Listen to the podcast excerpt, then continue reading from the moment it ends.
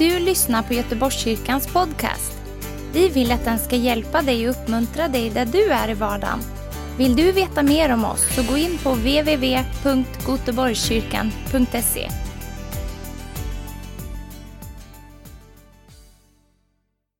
Fantastiskt, vilken härlig lovsång. Tänk att vi en dag kommer stå vid Guds tron på riktigt. Och bara få vara med och sjunga med änglarna och sjunga ut att vi bara ära Gud och lovar honom.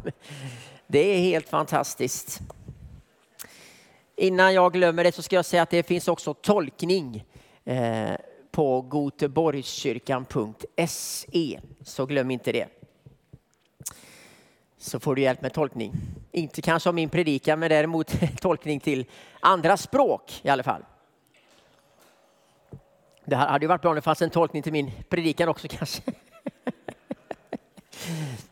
Men så långt har vi inte kommit Bosse än i teknikens värld. Nej, det kommer kanske, vem vet. Ha ett gäng teologer som hjälper till bakom någon kamera. Nej då, men eh, som sagt var, vi följer vår store överste präst. Vi fick till ett, ett stor där också, det var väl bra va? För att eh, Gud är ju inte bara överste präst utan han är ju, eller Jesus är ju vår store överstepräst tycker jag vi kan lägga till. För han är stor. Och vi kan inte nog tala ut det här att Gud är stor, Gud är mäktig. Och vi har ofta så små tankar om, även om Gud. Vi har små tankar om oss själva och vi har inga jättestora tankar ofta om Gud heller i oss själva. För i oss själva är det inte så mycket va? Men det är ju så när vi kommer nära Gud och vi ger honom ära, vi prisar honom och vi kanske går in i hans ord så förstår vi att det är en stor Gud vi tjänar. Och han säger till och med att mina tankar för er, säger Gud, är inte era tankar utan mina tankar är så, så, så, så mycket större. är ni med? Så Guds tankar för dig, du kan tycka, ja men jag, jag tänker stort om mig själv, men det är bara att Gud tänker ännu större. För han är alltid större. så ta gärna med det också. Eh, det är ju Hebreerbrevet kapitel 5 vi befinner oss i. Frank Isaksson heter jag förresten också om någon undrar vem jag är. Eh, bor här i Göteborg, Gunnilse med min familj och jobbar som lärare annars också. Och eh, är med här i denna underbara församling. Det är väl härligt? Ja, tycker i alla fall jag. Hoppas ni tycker också. Och eh, det här med översteprästen och vi följer vår stora överstepräst. Det är två saker jag kommer att säga egentligen idag. Det ena handlar ju om den store översteprästen och det är ju Kristus. Och i Hebreerbrevet så använder man begreppet överstepräst för att försöka förklara vem Jesus är. Ni vet att när vi ska förklara vem Jesus är så finns det många olika bilder i Bibeln. Det talas om nåd, han, ibland säger vi att han är sanning, ibland säger vi att han är kärlek. Vi säger att han är ljus eller bröd, varför inte, eller vatten, livets vatten. Eh, men i Hebreerbrevet så är det just överste prästen och det är det vi ska titta på. Så först kommer vi titta på vem Gud är. Det är väl bra va? Eh, Titta på honom, se på Jesus, läs om Jesus. Låt dina tankar meditera över namnet Jesus och fundera över vem han är. Vad har han för karaktär? Vad har han för egenskaper? När du börjar tänka på Jesus så ska jag säga att då, då blir du inte så deppig. Va? Utan då blir man verkligen glad. Man fattar inte, det är helt ofattbart att han är kärlek. Behöver vi mer kärlek på det här jordklotet? Det tror jag va? Han är tro, han är frid, han är allt det där vi behöver. Så jag tror att där finns också tron. Och den andra delen av den här texten handlar om dig och mig. Och då är det några sådana här rejäla förmaningar.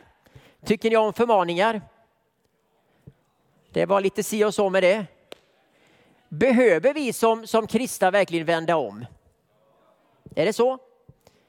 Finns det synd i våra liv? Det gör det. Och så den här predikan handlar om Jesus först och sen kommer det en, en rejäla förmaningar. Men, men ta det lugnt, vi ska ta det här tillsammans. Och eh, vi ska vända om och så ska vi få följa Jesus. Och vi kommer aldrig sluta att predika omvändelse och tro i den här kyrkan hade en, en kollega till mig en gång som eh, jag inte tror är troende. Han frågade mig, eh, han vet ju att jag är med i kyrkan och så, han frågade mig, eh, talar ni fortfarande om, om synd och såna här saker i kyrkan?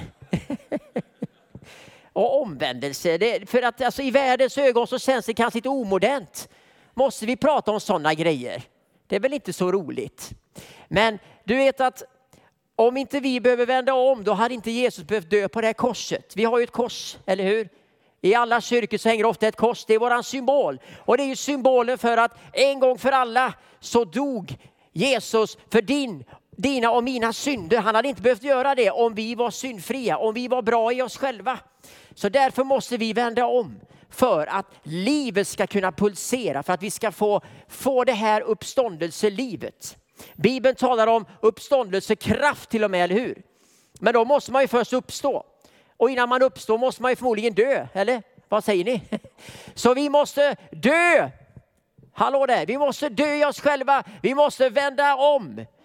Ja, men jag är väl lite bra ändå. Jag menar, hallå där, eh, så dålig är jag väl inte ändå. Du behöver vända om, du behöver dö i dig själv, i dina prestationer, dina begär. Och sen kommer uppståndelsekraften. Där finns livet, när vi dör i oss själva. Så nu är jag igång här på allvar känner jag. Då går vi till kapitel 5. Och vers nummer 1 där. Och då är vi Hebreerbrevet. Eh, Eh, varje överstepräst blir utsedd bland människor och insatt för människors skull. För att göra tjänst inför Gud och bära fram gåvor och offer för deras synder. Och han kan ha medkänsla med dem som är okunniga och vilsna eftersom han själv är svag och därför måste bära fram syndoffer både för folket och för sig själv. Ingen tar sig denna värdigheten utan man blir kallad av Gud liksom Aron blev det. Så var det också med Kristus. Han tog sig inte värdigheten som överstepräst utan fick den av honom som sa, du är min son, jag har idag fött dig. Han säger också på ett annat ställe, du är präst för evigt på samma sätt som Melkisedek. Under sin tid här i Söttet ropade han högt under tårar när han bad och vädjade till den som kunde rädda honom från döden. Och han blev bönhörd och fri från sin ångest. Trots att han var son fick han lära sig lydnad genom sitt lidande. Och när han sedan var fullkomnad blev han källan till evig frälsning för alla som lyder honom. Av Gud kallad överstepräst på samma sätt som Melkisedek. Jag tror vi stannar lite där. Det är den första delen av Hebreerbrevet kapitel 5. Eh, och det handlar ju då om Jesus som överstepräst här. Man kan säga att det här Eh, det är ju så när vi läser Bibeln så tänker vi att kapitel 5 det är, det är ett färdigdesignat kapitel, men riktigt så funkar det inte. För de här kapitlen fanns inte i Bibeln när den skrevs, utan de kom till ungefär tusen år efter det att Bibeln skrevs så började man skapa kapitel i Bibeln. Och det kanske vi ska vara glada för ändå, för annars skulle det bli lite rörigt. Men, så att kapitel 5 är inte ett, ett, liksom ett, ett färdigt sammanhang, utan den här undervisningen eller predikan om, om Jesus som överstepräst börjar redan i kapitel 4 och håller på ända till kapitel 7. Så det kan vara bra att känna till det. Så att eh, det kommer komma mer om, om det här kan jag lova. Hebreerbrevet, eh, det är ett brev eh, skrivet till hebreer. Och vilka var hebreerna då? Ja, hebreerna det var ju eh, hebreisktalande judar, alltså de som talade hebreiska. Eh, det var ju människor som var judar men som hade blivit kristna. Så det, det är så man tror att det är därav ordet Hebreerbrevet kommer ifrån. Att det är ett allmänt brev, det är inte skrivet till någon speciell församling vad vi kan se. Och när vi läser Hebreerbrevet så ser vi också att det är mer en predikan än ett brev eh, också. Så det kan vara intressant att ha med sig. Och därför så passar det här begreppet överstepräst väldigt bra in, för judarna visste vad en överstepräst var. De kunde gamla testamentet, de kunde lagen. Så att det var ju alldeles förträffligt bra för den som skrev Hebreerbrevet. Om det kunde vara Petrus, det vet vi inte, det finns många olika tankar om det här. En del tror att det var Petrus som skrev Hebreerbrevet, för han var ju väldigt judisk i sin stil och han var ju med i den stora församlingen i Jerusalem bland de kristna. Men det, vi vet inte exakt vem som skrev det. Hur som helst så kan man säga att de visste vad en överstepräst var. Och därför så är det bra att läsa Gamla Testamentet också för att eh, då får vi också helheten. Så för oss som vanliga hedningar så kan det vara svårt att förstå vad en överstepräst var egentligen. Eftersom om man inte har den judiska bakgrunden. Men bakgrunden är att det fanns en överstepräst som var kallad av Gud. Aron var en av dem, ni vet Mose bror. Och översteprästens uppgift var att vara den store försonaren, medlaren mellan Gud och folket. Så att översteprästen fick en gång eh, varje år gå in då i det allra heligaste i templet på den så kallade försoningsdagen. Och där, eh, som vi läste i, i, i, texten här, ge sitt offer både för sig själv men också för folket. Och det var blod ifrån djur som offrades.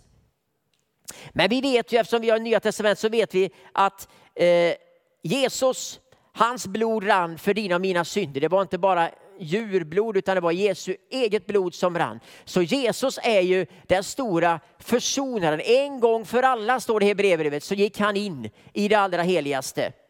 Och det här förhänget i templet, det bara rämnar, det försvinner till och med. Så att en gång för alla så går Jesus in där för din och min skull. Försonaren, eh, det var en människa. Gud behöver bli människa för att kunna bli överstepräst, står det talas om här. Så Jesus, han eh, är ju Guds son, han är 100% Gud men han är också 100% människa. Han får gå ner till jorden för att kunna bli en överstepräst. Och det stod här så fantastiskt att översteprästen, han var försonare men han, han hade också medkänsla med oss människor. Hur kan Gud ha medkänsla med oss människor? Jo, därför att han själv har varit svag, därför att han själv har varit människa. Därför kan Gud känna med dig och mig, därför kan han vara din och min försonare. Det så talas om, om lydnad också här, att eh, Jesus han lydde Gud i allt som försonar. Han var människa men han var också överstepräst och han dog för dina och mina synder. Det står om en evig frälsning till och med. Att när han en gång för alla dör på korset så är han en evig försonare. Så att idag så kan du få försona dig med Jesus. Du kanske sitter hemma idag, du är inte frälst, du tror inte på det här, du har inte mött Gud. Idag kan du få möta din försonare, din frälsare. Vi lever i en värld som verkligen behöver försoning, som behöver läkedom, som behöver den här kärleken. Idag kan du få möta din försonare. Idag kan du få ta emot den himmelska översteprästen, den stora översteprästen. Han är också fridens kung. Det står talas om en man som heter Melkisedek. Det kommer komma mer om honom längre fram eh, när vi läser Hebreerbrevet. Men Melkisedek han var kung i Salem. Han var också både kung och präst. Och Jesus han är också, precis Salem betyder frid. Han är också fridens kung för dig och mig. Så du får möta försoningen, du får möta frälsaren själv när du möter Jesus. Så det är hans roll och funktion. I första Timoteusbrevet kapitel 2, vers 5 så står det att Gud är en.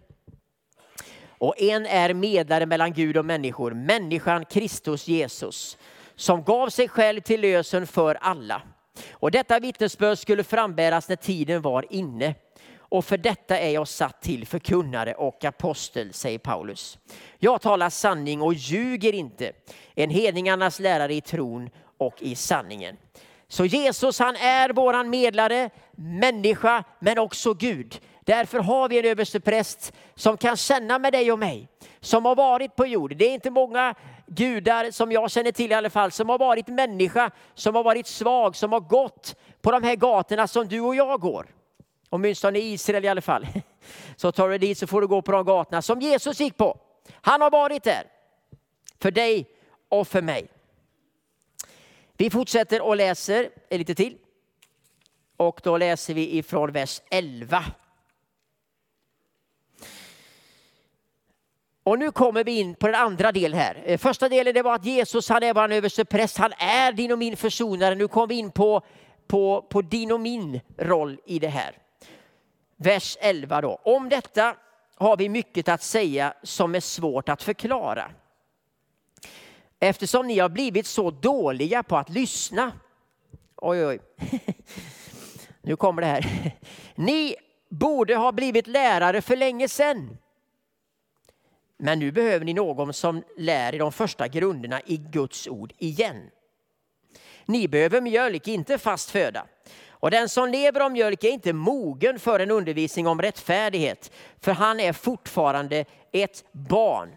Den fasta födan är till för vuxna, för dem som genom övning har fått sinnena skärpta till att skilja mellan gott och ont. Vad kommer vi in i detta? Nu har vi först läst om översteprästen, vi har läst om försonaren. Och det är ju fantastiskt att vi får uppleva försoning. Du kan idag få uppleva att du försonar dig med Gud. Det kanske är det som är det du behöver idag. Försona dig med honom. Det kanske har liksom gått i stå. Du kanske är lite arg, lite sur eller bitter på Gud. Det hände saker och du undrar var Gud var någonstans. Det kanske är idag som du ska försona dig med frälsaren på nytt.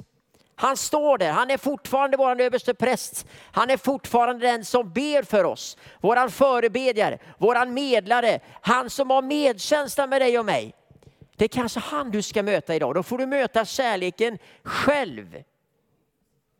Den andra delen handlar just om att vi har också en roll och funktion. Om Jesus är vår överstepräst så säger Bibeln i Nya Testamentet att vi är prästerna. Han är översteprästen, tack och lov. Att inte några av oss är det. Och vi får vara prästerna. Och jag vill bara läsa ett bibelord till här. Eh, så då läser vi från första Petrus 2 och vers 9. Första Petrus 2 och vers 9. Men ni är ett utvalt släkte, ett kungligt prästerskap, ett heligt folk, ett Guds eget folk för att förkunna hans härliga gärningar. Han som har kallat er från mörkret till sitt underbara ljus.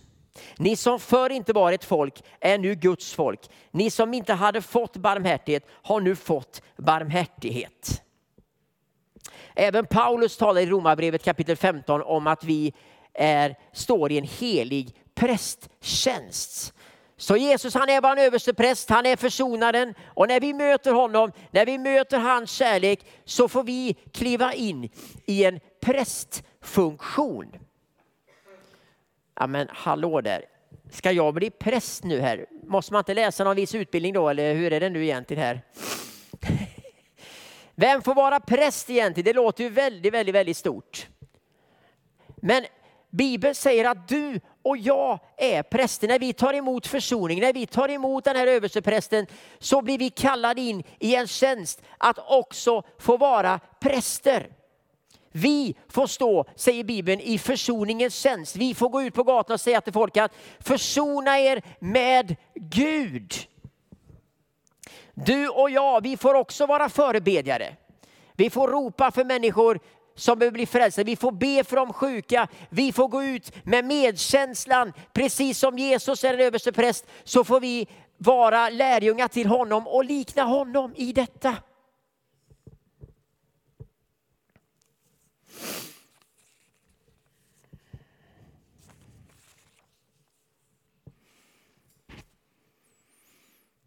Eh, men då kommer de här förmaningarna här också. Vi var ju satta till präster. Det säger Bibeln. Men det ordet säger här i Hebreerbrevet det var att de hade ju blivit tröga här. Är vi tröga? Nej, det är vi väl inte va? Jo då, ibland är vi tröga. Ibland behöver vi vända om, ibland måste vi skärpa vårt sinne, ibland får vi bara gå till Gud. Gud förlåt mig min egen strävan, förlåt mig allt jag håller på med som jag inte borde göra, förlåt min synd. Vi blir tröga ibland och det står det här också, de har blivit tröga. Och jag tror inte det är tröga i magen direkt, utan det är att de har blivit tröga till att lyssna, till att höra vad Gud vill säga. Och det är två saker som egentligen eh, texten talar om, att de måste, att det handlar om att leva i ordet. Det som talas om mjölk här och fast föda. Det är ju en bild på födan som vi får i oss. Och då pratar vi inte om, om materiell föda, vi, vi pratar inte om pizza eller hamburgare, utan vi talar om den födan, det, du, det som du och jag stoppar i oss. Vad är det vi stoppar i oss egentligen? Det är en bra fråga va? Där kommer födan in. Tanken var att vi skulle kunna skilja mellan gott och ont, står det här till och med. Hur ska vi kunna det? Genom ordet, genom att vi läser Guds ord. Det står att ordet är ett svärd som gör att vi kan skilja mellan själ och ande. Vi kan lära, vi kan förstå vad som är rätt och vad som är fel. Vi läser ordet och när vi umgås med Gud.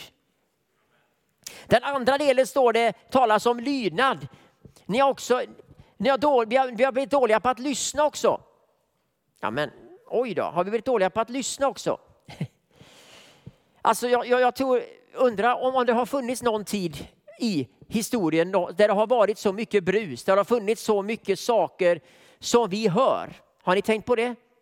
Det är ju sociala medier, det är musik, det händer någonting hela tiden och, och det är nästan så, så att vi, vi blir stressade när vi lägger undan mobilen. Man liksom tänker att nu ska jag lägga undan mobilen så blir jag inte stressad. Men då, då blir vi stressade för det. Är ni med mig? Den där snuttefilten, åh, jag, det känns så skönt när jag ligger med den ändå där. Och, och sen när jag lägger bort den så blir jag stressad för att jag inte har mobilen, jag är inte uppkopplad. Vad händer?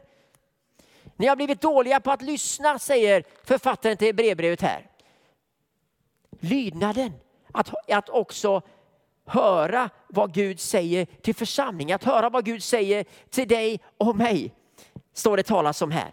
Då ska vi också kunna skilja mellan gott och ont, skilja mellan det gamla och det nya. Förstå vilken roll vi har, kliva in i den här prästtjänsten för att kunna också få hjälpa andra människor, få stå där, få vara en präst, ta på sig prästkläderna, klä av dig den gamla människan, klä på dig det nya istället. Kliv in i din roll. Ja, men jag och livet är liksom meningslöst för mig. Jag känner jag har ingen uppgift och det ena med det andra. Det har du visst. Du är präst. Ska du säga det? Jag är präst i Guds rike. Och Jesus, han är min överste präst. Och jag kommer lyssna. Jag kommer inte vara trög. Jag kommer läsa Guds ord. Och jag kommer följa honom. Halleluja, vilken kör. Det är det här jag tror det här handlar om. Vi följer vår överste präst. Livet är inte meningslöst. Du har en roll, du har en funktion. Du är inte en mygga, du är inte no, ingen slags nobody som en del säger. Det, du är en präst. Och jag tror att vi måste bli av med alla de här bilderna, allt det här som fienden talar in, allt det som världen talar in. Vi måste börja eh, leva i Guds ord, vi måste börja lyssna på Gud och lyda det han säger. Vi måste förstå att vi har en roll 2020 2023 är det till och med nu, va? inte 2022. 2023 är vi ju. Ja, det är helt otroligt. Jag ska fylla 50 år i år, det kan jag inte begripa, men att man börjar bli så gammal. Men vi har en roll att fylla 2023 som präster. Så säg till fienden när han talar, talar ut till dig att ja, men det, det är inget vidare med dig och du, ja, det är inte mycket med dig. Stek lite ägg och stek lite korv. Det är i princip det och så går vi och lägger oss och sover. Det finns någonting mer. Du är en präst. Och det är som den som vi ska kunna få tjäna Gud. Och för att kunna vara präster så måste vi fylla oss med rätt saker. Vi måste också lyssna på Gud. Det sista jag skulle vilja säga det är inför 2023 som jag känner som präst. Halleluja! Tänk att man blev präst i alla fall till slut. Nej, jag skojar.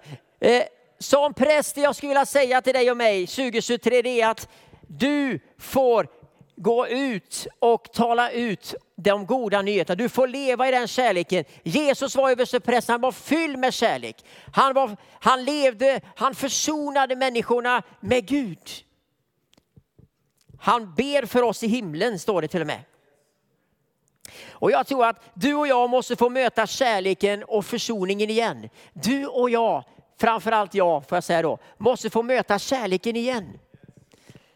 För att det blir ganska kallt och dött att vara präst om jag inte lever med, den, med översteprästen. Om jag inte fått uppleva försoning imorgon, om jag inte är försonad med Gud, om jag inte har den kärleken över mig och i mitt liv så blir jag nog en väldigt hård och kall och tråkig präst också. Lite halvt bitter och sur också kanske. Det är inget roligt. Utan vi fyller oss med hans kärlek och den kärleken ska du och jag få förmedla det här året. Jag möter kristna allt för ofta som har fastnat i sin kristna tro. Det är inte mycket kärlek. Det är, man har blivit arg, man har blivit tvär på Gud. Ni vet, ofta är, upplever man Gud när man är ung va? och det är den här kärleken, den första förälskelsen. Man älskar Gud och sen händer det saker i livet.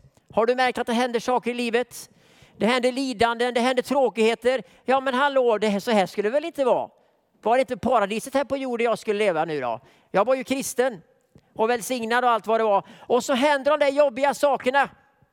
Och vi vet inte varför det händer och Bibeln ger inget svar alltid på lidandet och alla tråkigheter. Det är det vi kallar för teodicéproblemet. Och många kristna, tro mig, inte bara okristna människor utan också kristna människor fastnar i de här frågorna och man kommer inte vidare. Man kan inte säga halleluja längre. För det blev inte som jag ville att det skulle bli. Det händer jobbiga saker. Det jag tror att vi måste göra det här året är att vi fyller oss med kärleken på nytt. För Gud är kärlek. Översteprästen har medkänsla med dig. Han förstår dig. Han har varit svag. Han är inte okunnig utan han vet vem du är. Och när vi fyller oss med hans kärlek så blir våra hjärtan varma på nytt. Eh, och jag tror att vi alla måste förstå det, att vi måste komma tillbaka till Gud. Oavsett om vi är 30, 40, 50 eller 100 år så måste vi ha varma hjärtan. Vi måste hela tiden fylla oss med hans kärlek. Du kommer inte få svar på alla frågorna här på jorden, tro mig. En del människor sitter och säger att ja, om jag får svar på alla frågor då ska jag följa Gud. Eller när jag får det och det bönesvaret då minsann, då ska jag följa Gud. Det funkar inte så. Du kommer inte få svar på allting. Det kommer inte bli precis som du vill. Den här världen är i den ondes våld. Det är en sjuk värld vi lever i. En dag kommer vi in i Guds rike fullt ut och då är allt underbart.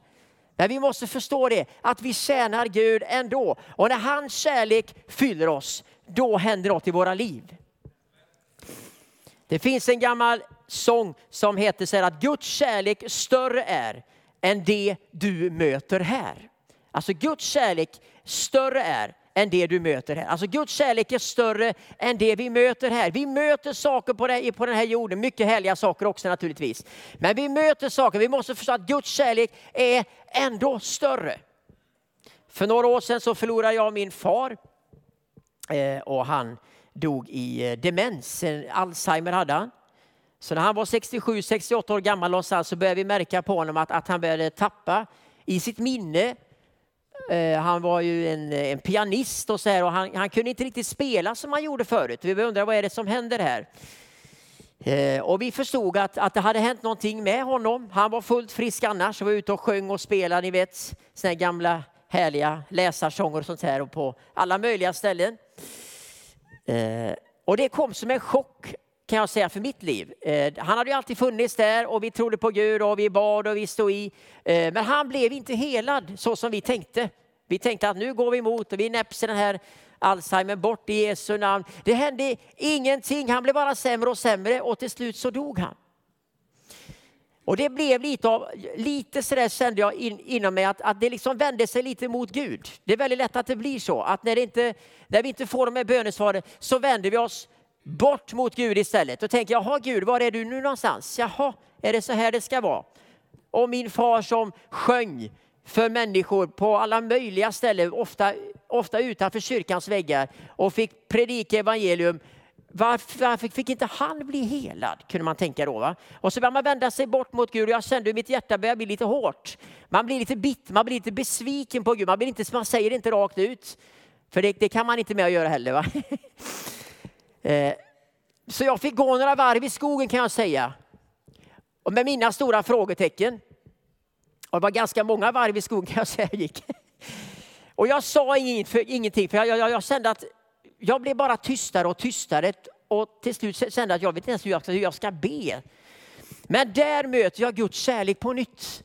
När jag bara lyfter min blick och ser på honom så möter jag kärleken på nytt. Det är som att jag blir förälskad på nytt.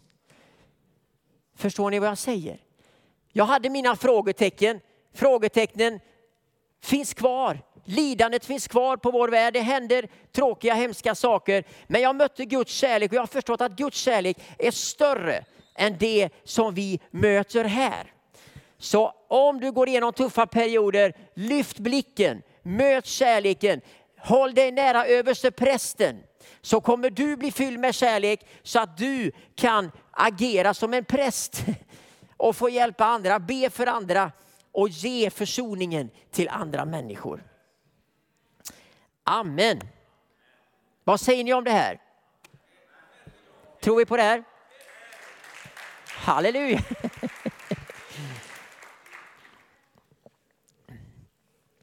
Eh, jag ska be en bön nu eh, för oss alla. Eh, och samtidigt som jag ber så kan ni faktiskt komma fram. Eh, ni som, vi kommer ha en eh, diplomutdelning här om en liten, liten stund, men ni kan komma fram och göra er färdiga. Så ber vi nu om det här. Jag tror att Gud har talat till dig idag.